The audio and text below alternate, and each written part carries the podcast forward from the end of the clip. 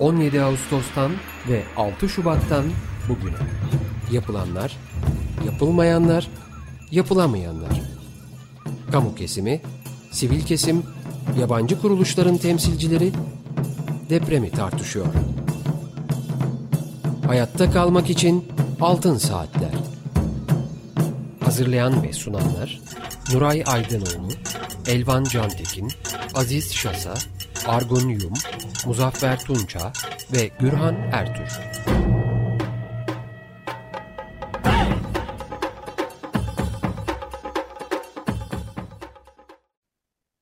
...95.0 Açık Radyo'da Altın Saatler programı deprem özel yayınındayız.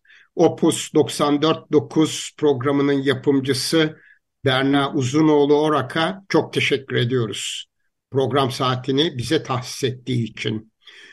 Bugünkü programı Mehmet Nuray Aydınoğlu, Argun Yum, Muzaffer Tunca ve ben Gürhan Ertür birlikte sunuyoruz. Teknik masada ise Andrei Girtsku sesimizi sizlere ulaştırıyor. Telefon numaramız alan kodu 212 343 40 40. Elektronik posta adresimiz açıkradyo.com.tr Altın Saatler programlarının ses kayıtlarını Açık Radyo'nun internet adresinde podcast bölümünde dinleyebilirsiniz.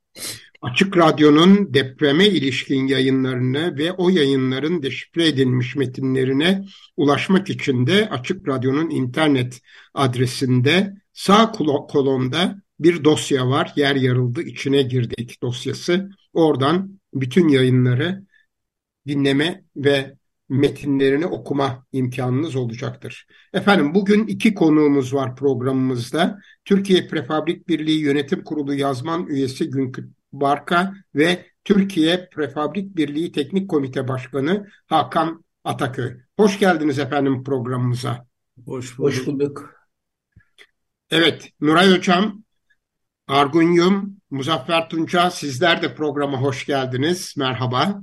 Merhabalar. Evet, Nuray Hocam e, siz lütfen ilk sorunuzla başlayabilir misiniz programa? Evet.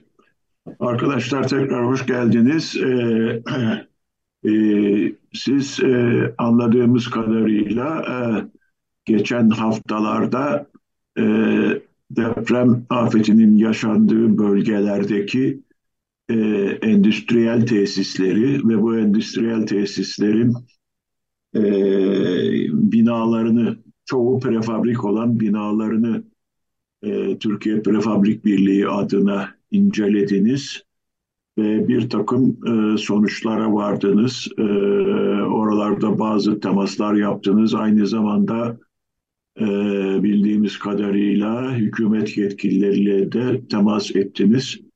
Bu programda bunları tartışmak, bu konularda e, dinleyicilerimizi bilgilendirmek istiyoruz. Çünkü e, depremin meydana geldiği bölge özellikle son 15-20 yıl içinde e, hızlı bir biçimde sanayileşen, e, dolayısıyla e, Türkiye'de sanayide kullanılan, e, yaygın olarak kullanılan prefabrik sistemlerin de çok yaygın bir biçimde kullanıldığı bir bölge.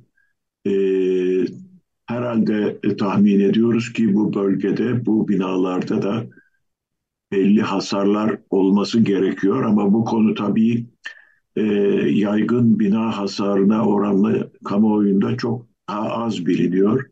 Fakat ekonomik e, önemi bakımından bunların da tabii e, göz önüne alınması, irdelenmesi ve halkımızın bu konuda bilgilendirilmesi gerekiyor. E, bu noktada Hakan Bey'den başlayalım. E, anladığım kadarıyla Hakan siz e, orada e, özellikle e, deprem bölgelerindeki sanayi bölgelerinde yoğun incelemeler yaptınız. Onlardan başlayarak e, izlenimlerini anlatmanı rica ederim.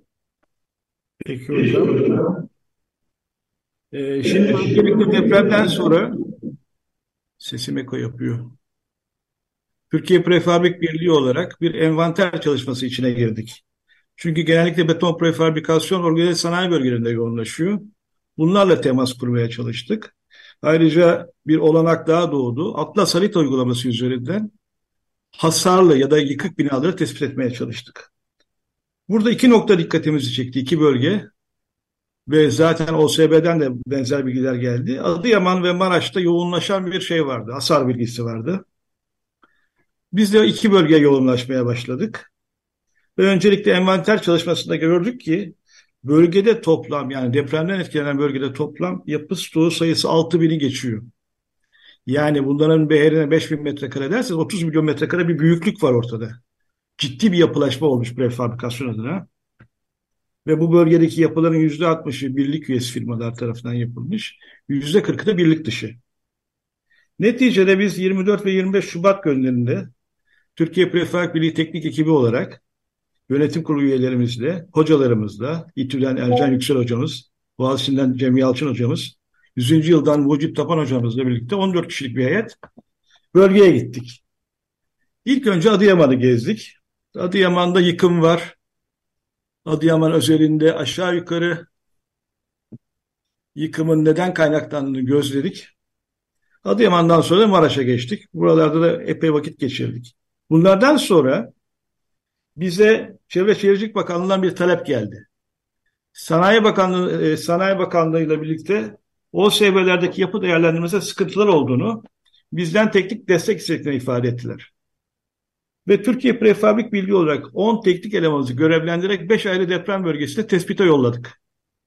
Bizim bütün ekiplerimiz ikinci defa tespite gittiler. Yani bizim ekiplerin gittiği bütün bina daha önceden hasar tespiti yapılmıştı. Burada hasar tespiti yapılan 273 binayı biz tekrar inceledik. Ve genel olarak buradaki tablo şu oldu.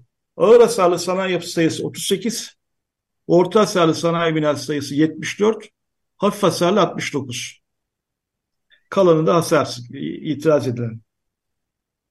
Biz bu tespitleri dün akşam itibariyle bitirdik ve teslim ettik. Şimdi itiraz süresi başladı, bir ay sürecek. Burada gözüken tablo şu, bunlar Adıyaman ve şeyde yoğunlaşıyor, Maraş'ta. Antakya'ya gittik mesela. Antakya'da sadece 3 orta hasarlı bina var, bir hafif hasarlı bina var. Antep ki çok büyük, 4 tane sadece orta hasarlı bina var. Ama Adıyaman'da tablo değişiyor. Adıyaman'da ağır hasarlı bina sayısı 14, orta hasarlı sanayi yapı sayısı 30, hafif hasarlı bina sayısı 61. Yani toplam 105 tane hasar alan bina var ki oradaki bina sayısı 189. Maraş'a geçtiğimizde Maraş'ta ağır hasarlı sanayi yapı sayısı 24, orta hasarlı 37, hafif hasarlı 7. Yani orada da toplam 68 binada hasar var. Baktığımız zaman kümülatif olarak hasarlı yapı sayımız deprem bölgesinde 181. 181 sayısı ne ifade ediyor derseniz 6000 içinde bu aşağı yukarı binde 6. Pardon yüzde 3. Göçenlere baktığımız zaman binde 6. Bu hasar tamamen neden Adıyaman'da yoğunlaştı, neden Maraş'ta yoğunlaştı? İsterseniz e, bu konuda ayrıca konuşalım. Evet bence önemli bu. E, biraz önce e, birliğe, Prefabrik Birliği'ne üye olanların toplam olarak yüzde 60 demiştin galiba evet. Peki hasarlı binalar bazında bu dağılım nasıl yani birliğe üye olup olmama durumu? Şöyle söyleyeyim hocam. Ağır hasarlı sanayi yapılarında toplam sayı 38 iken bunun 4 tanesi birlik üyesi firma, kalanı tamamen birlik dışı firma. Yani hasarın %90'ı birlik dışı firmalarda toplanıyor. Bu çok önemli. Yani Türkiye'de, evet, evet. Türkiye'de e, temel olarak yakındığımız yapı denetimi, proje ve yapı denetimi eksikliği e, e, sorunu özel olarak e, prefabrik binalarda da kendini çok açık bir biçimde göstermiş oluyor değil mi? Aynen, evet. Peki hasarların muhtemel nedenleri konusunda e, neler söyleyeceksiniz? E, Günkut da bu konuda görüşlerini evet. açıklayabilir. Şimdi hocam e, bunları üç, üç bölümde inceleyebiliriz. Esasında bir e, yapının e, tasarımında olan yanlışlıklar var. Bağlantıların problemleri var. e, tasarımında olan yanlışlıklar derken birincisi e, bağlantıları ele alacak e, aldığımızda şunu şuna insan üzülüyor. Biz e, ilk bu bağlantılardaki problemi 98 Adana Ceyhan depreminde tespit ettik ve bu tespitten sonra bu bağlantıların nasıl hesap edileceği konusunda e, yayınlar yaptık, seminerler verdik e, ve e, o günden bugüne belki Hakan da ben de yüzlerce seminer e, veya sem şeylerde e, çeşitli sunumlarda bulunduk. Ama görüyoruz ki bu bölgede çalışan, prefabrik birliğine bağlı olmayan, o bölgede sadece kurulmuş olan firmalarda bunlar hiç hiç ama göz önüne alınmamış. Yani bağlantılar bir e, gravtlama yapılmamış. Bağlantılarda üst bağlantıda bulonlu bağlantılar olmamış. Groutları eksik. Elastomer mesnetler yok.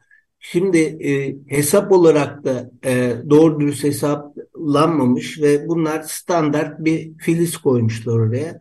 Tabii böyle büyük bir depremde e, bu bağlantıdan kopmalar çok e, görülen bir hasar çeşidi. İkincisi e, yıllardır 2007 yönetmeliğine de girdi. Bu e, işte kısmi harekatların ancak mafsallı e, yapılması yüzde e, binanın yüzde 25'inden az olacaktır diye bir e, bölüm koymuştuk ve e, neticede bakıyoruz e, yüzde yüze harekat gene mafsallı yapılmış. Bu mafsallarda baktığımız zaman gene gravtlama yok. E, diyaframla ilgili herhangi hiçbir çalışma yok, hiçbir detay yok ve e, elde edilen projelerde de baktığımız zaman nokta detayları dahi yok. Yani e, bu yöresel e, firmaların e, gerçekten bir zaptırapta alınması gerekiyor. Biz bunlar için neler yaptık dediğimiz zaman biz geçen senelerde Çevre ve Şehircilik Bakanlığı'nı bakanına ben bizzat e, bir randevu almaya çalıştım. Beni e, o randevuda e, Mesleki Hizmetler Genel Müdürlüğü'ne sevk etti ve onlarla bir toplantı yaptık. Bu toplantıda anlattık derdimizi. Dedik ki ya firmalara bu TSK 118, bizim TSK 118 diye bir yapı e, ön dökümlü betonarme yapı elemanlarının kalite yönetim sistemi diye e, Türk Standartları Enstitüsü ile ortak olarak e, denetlediğimiz bir kalite e, yönetim sistemi var. En azından bunu mecbur tutalım dedik. E, birinci aldığımız cevap biz Çevre Şehircilik Bakanlığı olarak e, prefabrik bina yapmıyoruz dediler. Bu bizi ilgilendirmiyor. İkinci de bu TSK 118'i de mecburi kılamayız dediler. Ve bizi gönderdiler. Ama şu bir gerçek ki bu belgeyi bütün herkesten istiyor durumuna gelseler bu belki hatalar yapılmayacak. Çünkü bu e, TSK, TSK 118 kalite belgesinde şöyle bir süreç işliyor. Birincisi Türkiye Prefabrik Birliği bu projeleri her yıl yapılan projelerden bir liste geliyor ve bu listeden bir projeyi seçiyor ve bunun hesaplarını ve projelerini inceliyor.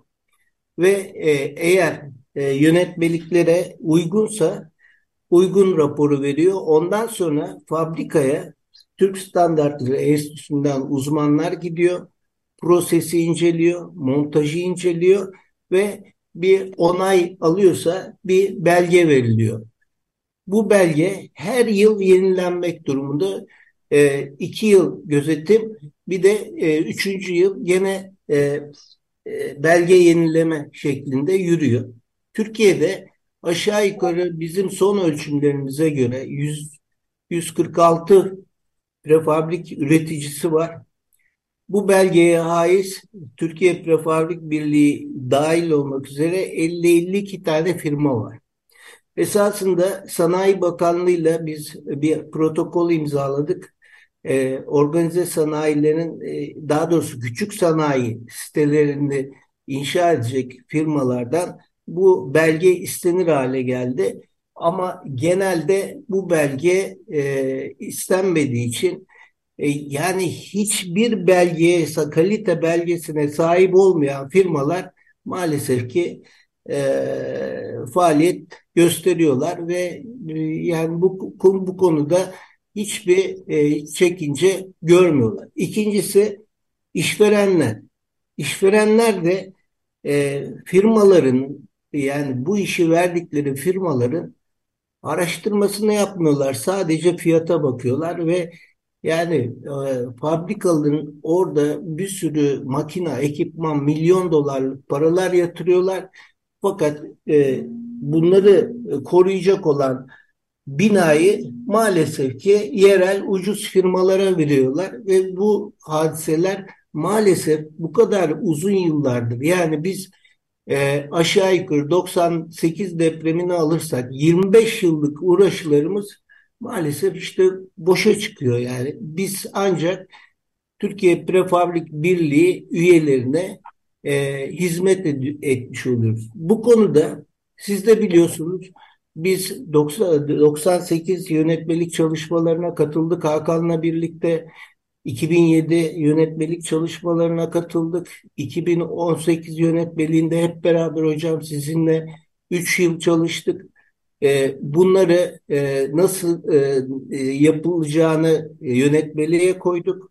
Ondan sonra kitaplar yayınladık. Kitaplarda bunların nümerik hesaplarını, örnek hesaplarını da vererek bir yerlere getirdik. Ama baktığımız zaman bu firmalar hiç bunlardan bir pay almadıklarını üzülerek görüyoruz. O da bizim maalesef üzüntümüz oluyor. Ama ben bu arada bir de yani öncelikle bu depremde e, hayatını kaybeden yurttaşlarımızın önünde Allah'tan rahmet diliyorum. Yaralılarımıza da acil şifalar diliyorum. Gerçekten çok büyük bir deprem ve kaybımız çok fazla. Ee, bu aşamada söyleyeceklerim bunlar. Hakan e, bunun üstüne bilmiyorum neler söyleyecek. Bir iki noktaya ilave yapacağım. Özellikle hasar tiplerinde. Bölgede tekstil fabrikaları yoğunluklu ve garip bir uygulama var. Hepsi Bakiriş'te çözülüyor. Ancak klima kanalları yapılacak diye Bakiriş, uzun istikametteki Bakiriş'i yapılmıyor. Pek çok yapı depreme böyle yakalanıyor. Bakiriş'i, Bakiriş'i hangi elemanları birleştiren Bakiriş'leri? Temelleri birleştiren hocam. Anladım, evet. Makas istikamete temelleri birleştiren Bakiriş'leri yapılmıyor ve sonradan yapılacağı söyleniyor. Ama bunlar unutulmuş durumda ve böyle hasarlı gördüğümüz dört ayrı bina var ki ağır hasarlıydı. Bir başka konu özellikle yeni yönetmekle gelen çatı kaplamasının diyafram çalıştırılması için belirli bir trifon sayısının olması lazım kaplamalarda. Bu anormal derecede düşük. Yani trifondan tasarruf edilmiş. Günkut abinin söylediği gibi graatsuzluk büyük bir problem. Pek çok bina sadece graat olsaydı kurtulabilirdi. Ve basit bir e, yaklaşımla bir makasın iki ucundaki graatın maliyeti bugün 200 lira. Rahat yani yani 5000 metrekarelik bir binada gratsuzluk 10 bin liralık bir bedeldir.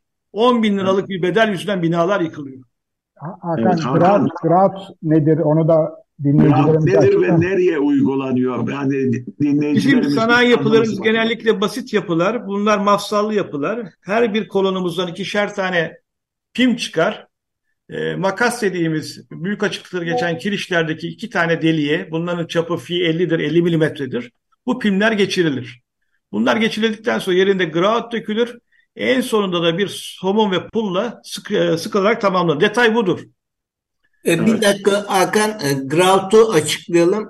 Grout da e, büzülmeyen özel bir harç e, akıcı evet. kıvamda hazırlanıyor bu e, delikten donatı geçtikten sonra o delik tekrar bir de bunların mukavemetleri çok dayanımları çok fazla. Yani aşağı yukarı 500 kilogram bölü santimetre kare basınç dayanımına kadar e, e, kuvvetli. E, bu deliklerin o grout harcıyla özenle doldurulması gerekiyor. Bu yapılmamış. Hiç yapılmamış. Öylece Hiç bırakılmış ya? Ya da az yapılmış. Yani Hiç yapılmayan da var, az yapılan da var. Ama yani net gözüküyor. Yönetmene uygun yapılar hiçbir sorun yok. Gayet iyi atlatmışlar depremi. Bir de bu depremin başka bir şeyi vardı burada özelliği. O da hafif hasarlı yapı sayısı çok. Neopren takoz kullanılmadığı için yine makasın altına kolon gusesinin üstüne bir yastık kullanım, kullanılması lazım. Elastomerik bir mesnet kullanılması lazım. Bunlar kullanılmadığı için guse hasarı var şeylerde, kolonlarda. Bu guse hasarları tipik gözüküyor. Dolayısıyla bu depremin de başka bir özelliği hafif hasarlı bina sayısının fazla olması. Guseleri ya ezmiş ya patlatmış. Evet. Ama depremi de öyle atlatmış. Bir başka nokta bunlar bilinçli şeyler, tercihler. Katlı binalar var. Maalesef bu katlı binaların bütün detayları mafsallı. ikinci yön kirişlemesi yok ve perde yok. Bir başka nokta yönetmelik 12 metreye kadar izin verir. 14 metre, 15 metre yüksekliğinde mafsallı binalar var. Bunlar fazla deplasman yapmışlar ve öyle kalmışlar. Evet. Ee, anladığım kadarıyla e, 99 depreminde gördüğümüz gibi böyle toptan göçmeler fazla değil herhalde. Yani Toptan göçme fazla değil hocam. 99'dan bu depremin bir farkı var. Sağda baktığımız zaman 99'da kolon rigidliklerimiz çok azdı. Burada 50-50 kolonun altında kolon yok. 6 metre yükseklik kolon 50 50 santim 50 santim. 99'da 35 35 30 30 kolonlar vardı sahada. evet. Evet. Ee, yani evet o zamandan beri aslında e, hem yönetmeliklerdeki değişiklikler hem e, siz e, Prefabrik Birliği'nin eğitim çalışmaları, yayınları aslında anladığımız kadarıyla e, kurallara uygun olarak yapılarda büyük yararlar sağlamış ama anladığımız kadarıyla e, problem burada Prefabrik Birliği'ne üye olmayan tamamen kontrolsüz bir biçimde çalışan e, firmaların yaptığı e, binalarda görülüyor herhalde değil mi? Aynen Ülke öyle. olarak böylesi bir depremde bu hasarı bile görmeyebilirdik hocam. O şansımız varmış. Şu Hakan, an prefab binalarda olmayabilirmiş. Çok net gözüküyor. Bu Hakan belediyeler müsaade vermiyor mu? İmza atmıyor mu? Efendim? Bu binalara belediye izni gerekmiyor mu? Elbette bütün izinleri gerekiyor. E, o zaman bir yani e, tahammüden cinayet gibi bir durum çıkıyor ortaya yani. Enteresan. E, Argun Bey şöyle bir şey söyleyeyim. Burada yapı denetimlerinin de büyük problemi var. Şimdi yapı denetimlerle biz aşağı yukarı 4 senedir savaşıyoruz. O da şu. Baktığımız zaman yapı denetimler bizim fabrikalara gelip ürünleri kontrol etmiyorlar. Biz e, istedik ki fabrikaya da gelip ürünlerin üretimi sırasında hem donatı kontrolü hem de e, beton basınç dayanımlarının kontrolünü yapsınlar istedik. E, bu da başarılı olamadık. Sadece uzun uğraşlardan sonra e, Yapı İşleri Daire Başkanlığı e, bunun buradan e, beton numunelerinin alınmasını e, sağlayabildi. Şimdi bunu bir kenara bırakırsak şantiyede, montajda da en azından e, yapı denetimcilerin bunları kontrol etmesi lazım. Yani bağlantı detayları tamam mı? Grafları dökülmüş mü? Ondan sonra e, diğer konular e, arı katlı binalar şunlar bunlar hem proje olarak hem de yapım olarak kontrol etmeleri lazım. Bu konuda da hiçbir gelişme yok. evet e, Gülkut, peki e, zeminler nasıl? Zemin e, etütleri falan yapılmış mı? Yani temeller ona göre mi hesaplanmış? Onu tetkik edebiliriz mi? Projelere bakma olanağımız yok Muzaffer abi ama şunu yaptık. Hem Maraş'tan hem de Adıyaman'dan, OSB'lerden zemin raporlarını aldık. Bizim kapsamlı bir raporumuz olacak. Orada zaten bu değerlendirmeyi yapacağız ama ZD gözüküyor, ZC gözüküyor. Tabii bu hesaplara, tasarıma ne kadar yansıdı onu bilmiyoruz. Bir iki tane binanın, ağır hasarlı binanın da projeleri bize ulaştı. Bunların hepsine bakacağız. Hayır. çok taze bizim için. De açar mısın? Yalnız Hakan e, yani temel yüzünden de e, probleme girmiş pek bina görmediniz herhalde. Üst yapıda daha çok sorun E, değil mi? gayet tabii. Ama mesela ben ilk defa bakir şahsları gördüm. Evet. Evet. Şimdi e, Günkut'un söylediği bir şey dikkatimi çekti özellikle. E, Çevre ve Şehircilik Bakanlığı ile yaptığınız görüşmelerde prefabrik binaların kendi kapsamlarına girmediğini ifade etmişler. E, peki bu binalar kimin kapsamına giriyor? Bu memlekette bu binalar sahipsiz mi kalacak yani devlet nezdinde? Kimin kapsamında? Bunların birçoğu OSB'leri e, özel statüsünde yapılıyor. E, bir de e, normal bildiğimiz e, belediyeden ruhsat alınarak yapılan e, yapılar. E, burada e, yapı denetim devrede. Yapı denetim e, bunları inceliyor. Neticede e, yapı denetim e, imzaladıktan sonra e, belediyede ruhsat işlemlerine başlıyor. Ruhsatı veriyor ve inşaat tamamlanıyor. E, yani Çevre Şehircilik Bakanlığı'nın e, bu şekilde e, cevabı inanın bizi de çok şaşırttı.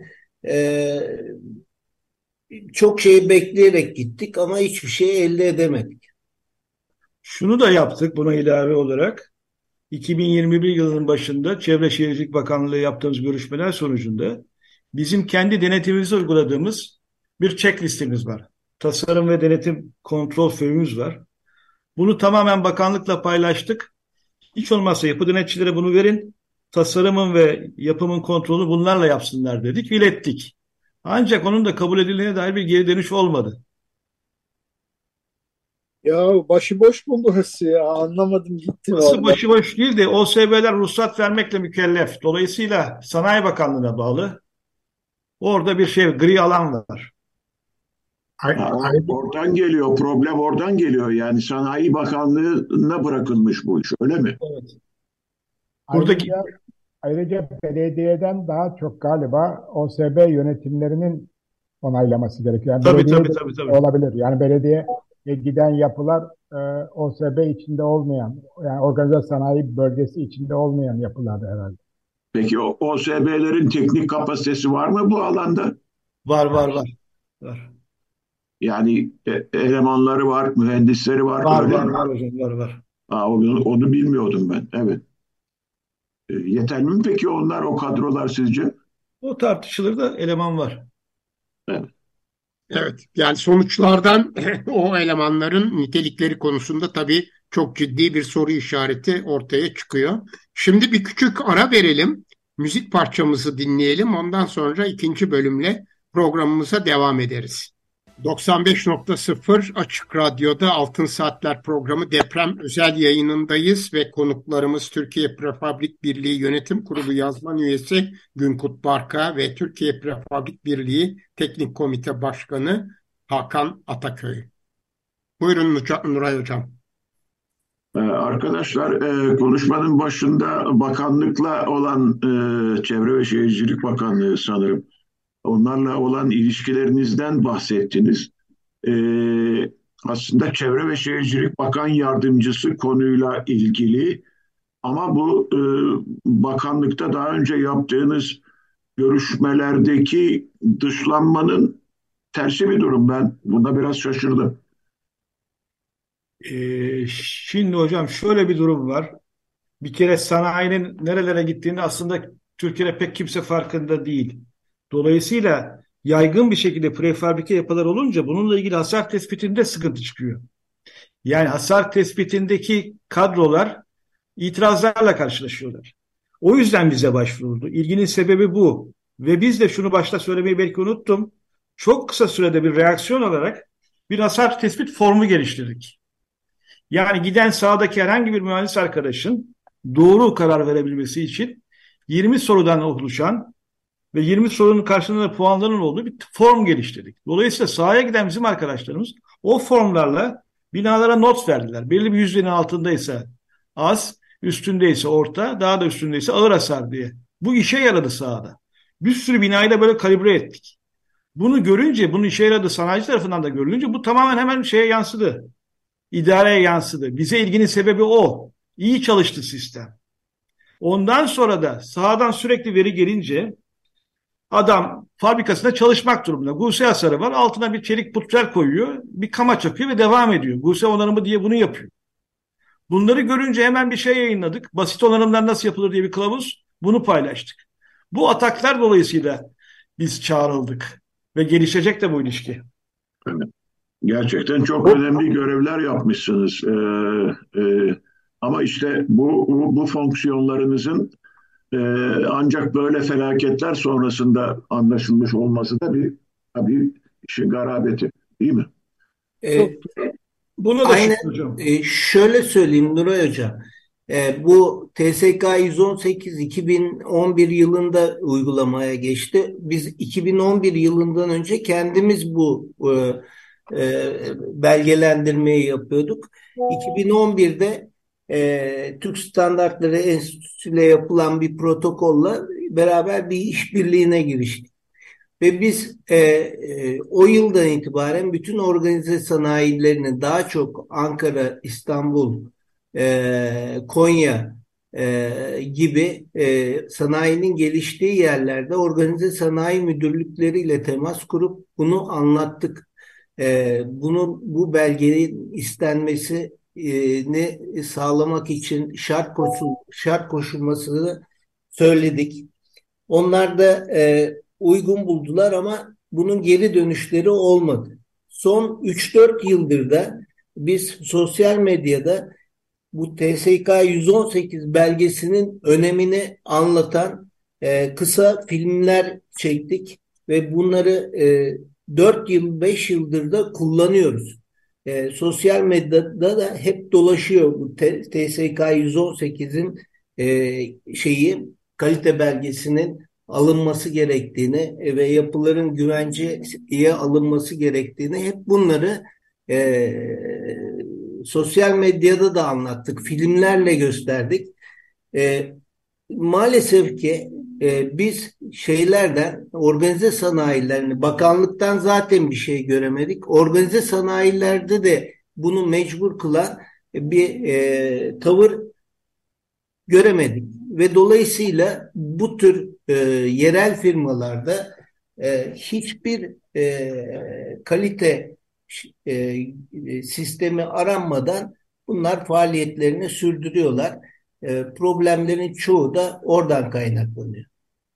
Peki siz bakan yardımcısına bahsetmediniz mi bu durumdan? Ne, nasıl bir tepki verdi? Bakan yardımcısına söyledik. Fatma Hanım'la konuştuk. Fatma Hanım mimar. Yani e, e, biz bayağı ilgili gördük bu konuda. E, e, kendisine de aynen bunları söyledik. E, o da şaşırdı. E, ve e, onların e, istedikleri konu e, tamamen bu hafif hasarlı ve orta hasarlı binaların tekrar e, üretime kazanması için bir an önce bir hareket etmemiz lazım dedi ve bu konuda sizden yardım istiyoruz. Bu yardım da e, yapıl önce bir kere nasıl yapılacağına dair yani güçlendirme ve e, bir takım onarım işlerinin e, nasıl yapılacağına dair bizden bir e, çalışma istedi. Ve bu çalışmanın neticesinde e, yapılacak projelendirme işlerinin bizim tarafımızdan kontrol edilmesini hatta sahada uygulanmasının da bir gene bizim tarafımızdan kontrol edilmesini istediler. Ve biz bu konuyu yönetim kurulumuzla paylaşalım ve ona göre size geri dönelim dedik ve biz de bu konuya sıcak bakıyoruz esasında. Ee, en azından bundan sonraki uygulamalar açısından e, daha e, kaliteyi ortaya koymak mümkün. E, bu konuda e, 22'sinde bizim yönetim kurulu toplantımız var. Burada gerekli kararları alarak yolumuza devam edeceğiz. Küçük sanayi sitelerini de Hakan anlatsın. Küçük sanayi siteleri gelmeden bir şey ilave etmek istiyorum. Ee, Bakan Yardımcısıyla yaptığımız görüşmeler oldukça ilgili karşıladı zaten bizi ve e, verimli bir toplantı oldu. Burada sorun şu, orta hasarlı binalar var. Sanayi yapılarının hak sahipliği diye bir şey yok. O konutlar gibi değil. Orta hasarlı bir binanın güçlendirilerek kullanılması da mümkün, yıkılması da mümkün. Bu tamamen sanayicinin bir opsiyonu. Ve burada kol kanat gelmek istiyor devlet ya da belediye bu işte.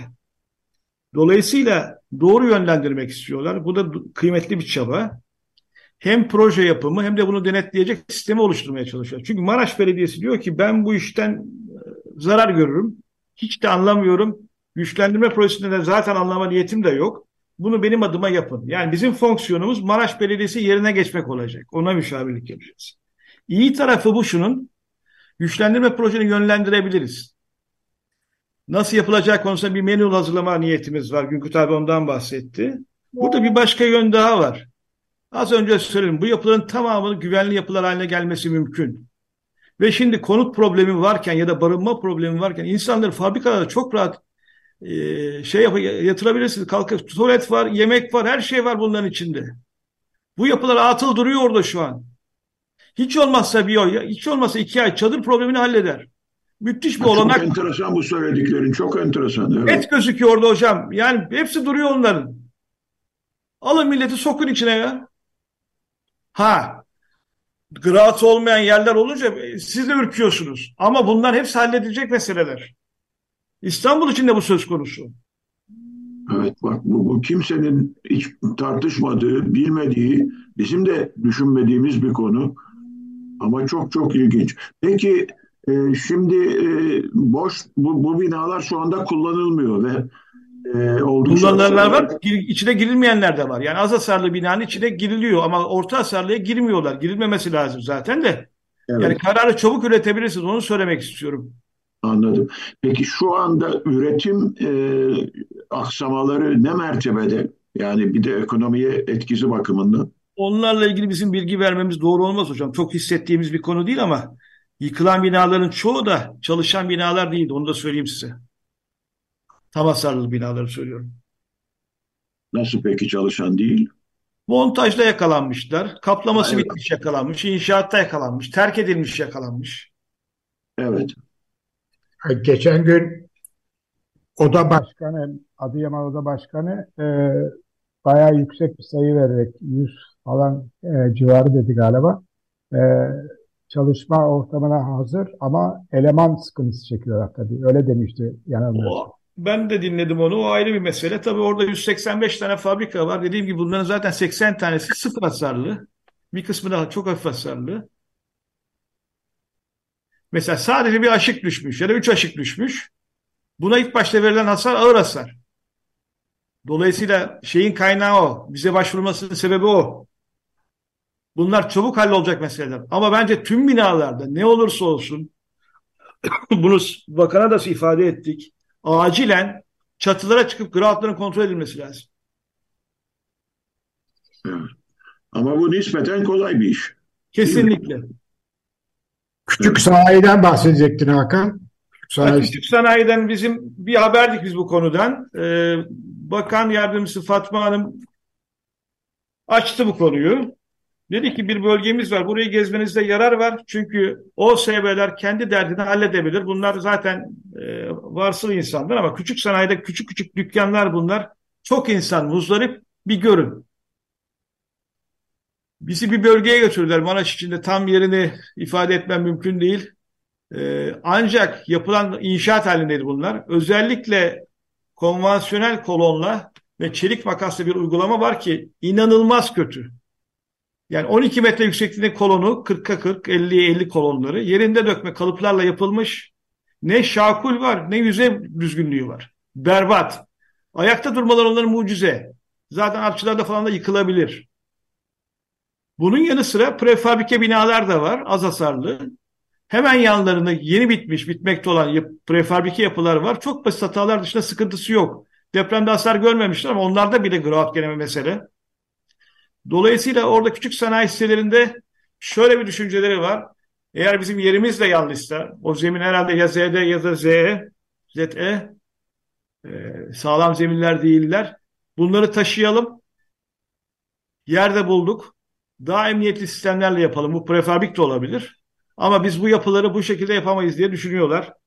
Bu tabii başka bir mevzuat meselesi. Çünkü küçük sanayiciler bir kooperatif oluşturup oradan hareketle yapıyorlar. Tabii Günkut abinin söylediği olay doğrudur. Son iki yıldır Eğer prekast yapacaklarsa projeler bize kontrole geliyor ve tepeden tırnağa kontrol ediliyor. Bir şans olabilir sanayiciler için. Küçük sanayi siteleri için. Ee, e, Hakan bir şey soracağım. Şimdi bu e, özellikle size üye olmayan e, firmaların tercih edilmesinin nedeni bu firmaların yarattığı fiyat avantajı olabilir mi? Sadece olacak. Sadece bu. Ucuzluk. Ucuzluk. Evet. Ha size şunu söyleyeyim. E, TPB üye bir firmayla üye olmayan bir firmanın baktığınız zaman tipik bir yapıda toplam harcadığı beton miktarı, çelik miktarı çok ciddi fark yok. Muazzam bir kalite ve bilinç farkı var. Mühendislik var, birinde evet. var, birinde yok. Evet, evet. evet. E, şantiyede de, e, montajda da yine mühendislik yok, e, işçilik kötü. Ama bu bu kadar büyük maddi fark yaratıyor mu bunlar? Hocam konuştuğumuz zaten prefabike karkas toplam yapı bedelinin ya yüzde onudur ya yüzde altısıdır. Evet. Orada yüzde elli ucuzluk sağlasanız ne olur ki ya? Para değil bunlar. Ama millet ondan tamah ediyor. Tamah ediyor çünkü onunla başlıyor. İlk evet. yatırımı o. Temel ve prefabike. Yani ben 99 depreminde Ada Pazarındaki o korkunç manzarayı hatırlıyorum. Ee, ve orada e, bir girdiğimiz tamamen yıkılmış bir prefabrik binanın altında makinalar böyle hepsi burada haş olmuş. Ee, oranın sahipleri ağlıyorlardı. Hiç unutmuyorum o manzarayı. Biz bunun böyle olacağını bilseydik bu kadar bunlara şey yapar mıydık diyorlardı. Çünkü yani inşaat bedeli o zaman söylemişler de hal.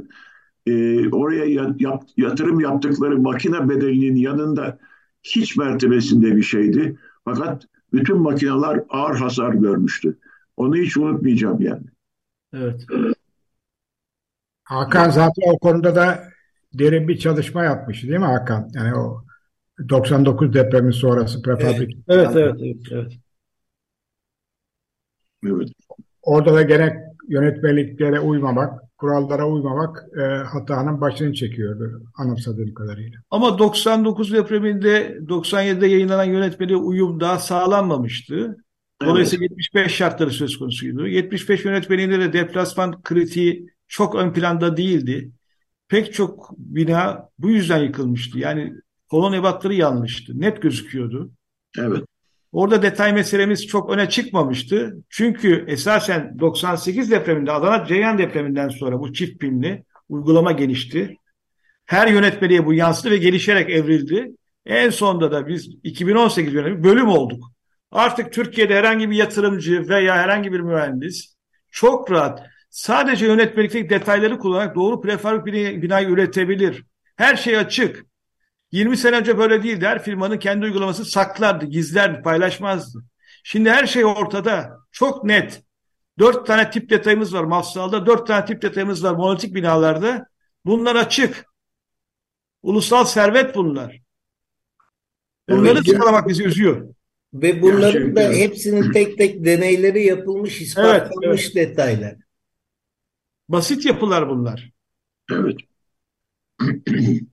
Şimdi programımızın başında e, Günkut Bey e, rakamları vermiştiniz birliğinize, Türkiye Prefabrik Birliği'ne üye kuruluşların sayısını ve yaklaşık olarak da e, Türkiye'deki sayı da belli sanıyorum. Evet. E, ve senelerden beri uğraşıyorsunuz o sayıyı yükseltmek için. Bu rakamları tekrar tekrarlayabilir misiniz lütfen? Tabii ki e, Türkiye Prefab Birliği'ne bugün üye 42 firma var.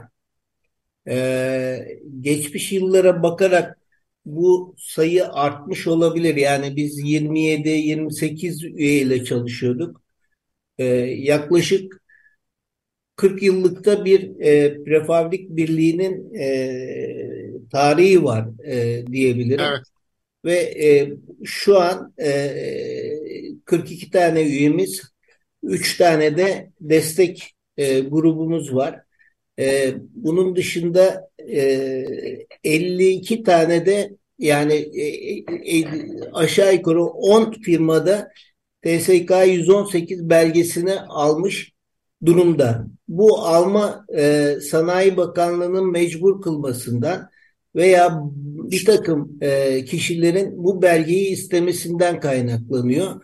E, zorlamasından kaynaklanıyor daha doğrusu. Ama e, son bundan bir ay önce yaptığımız istatistiki çalışmalarda da Türkiye'de 143 e, civarında prefabrik üreticisi olduğunu biliyoruz. Evet, programda da bahsettiniz. E, bir bir sürü eğitim veriyorsunuz. İnternet sitenizde prefab.org.tr adresinde bütün detaylar var. Dinleyicilerimiz e, oradan da bakabilirler. İnternet sitenizi de e, dolaşabilirler.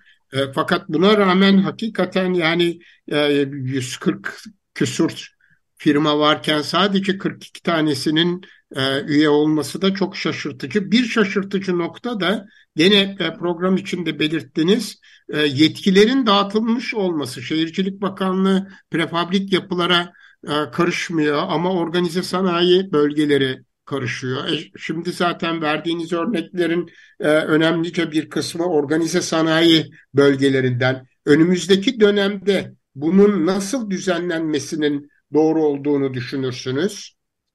E, şöyle bir kere e, en azından bütün firmaların bu kalite belgesine sahip olması e, lazım. E, çünkü bunun bir sürekliliği var. Daha önce anlattığım gibi her yıl bir denetimden geçiyor. E, ve bu denetimler e, de kolay olmuyor. Yani e, mesela projeden e, kalanlar çok oluyor. Bunlar düzeliyor. Tekrar e, bu sefer e, proses ve montaj e, e, kontrollü TS tarafından yapılıyor. Belgeye hak kazanıyor ve bu belgenin e, her yıl e, iki yıl gözetimi söz konusu. E, üçüncü yıl tekrar belge yenilemeye başvuruyor. E, yani bir takip var orada. Dolayısıyla eksiklerini tamamlamak zorunda. E, proje bazında eksiklerini tamamlamak zorunda.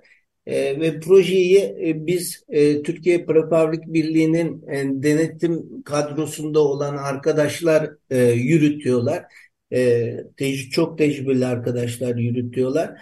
E, dolayısıyla bu bu belge sayesinde belli bir e, kaliteye yükselt e, kaliteyi yükseltmeleri şart. E,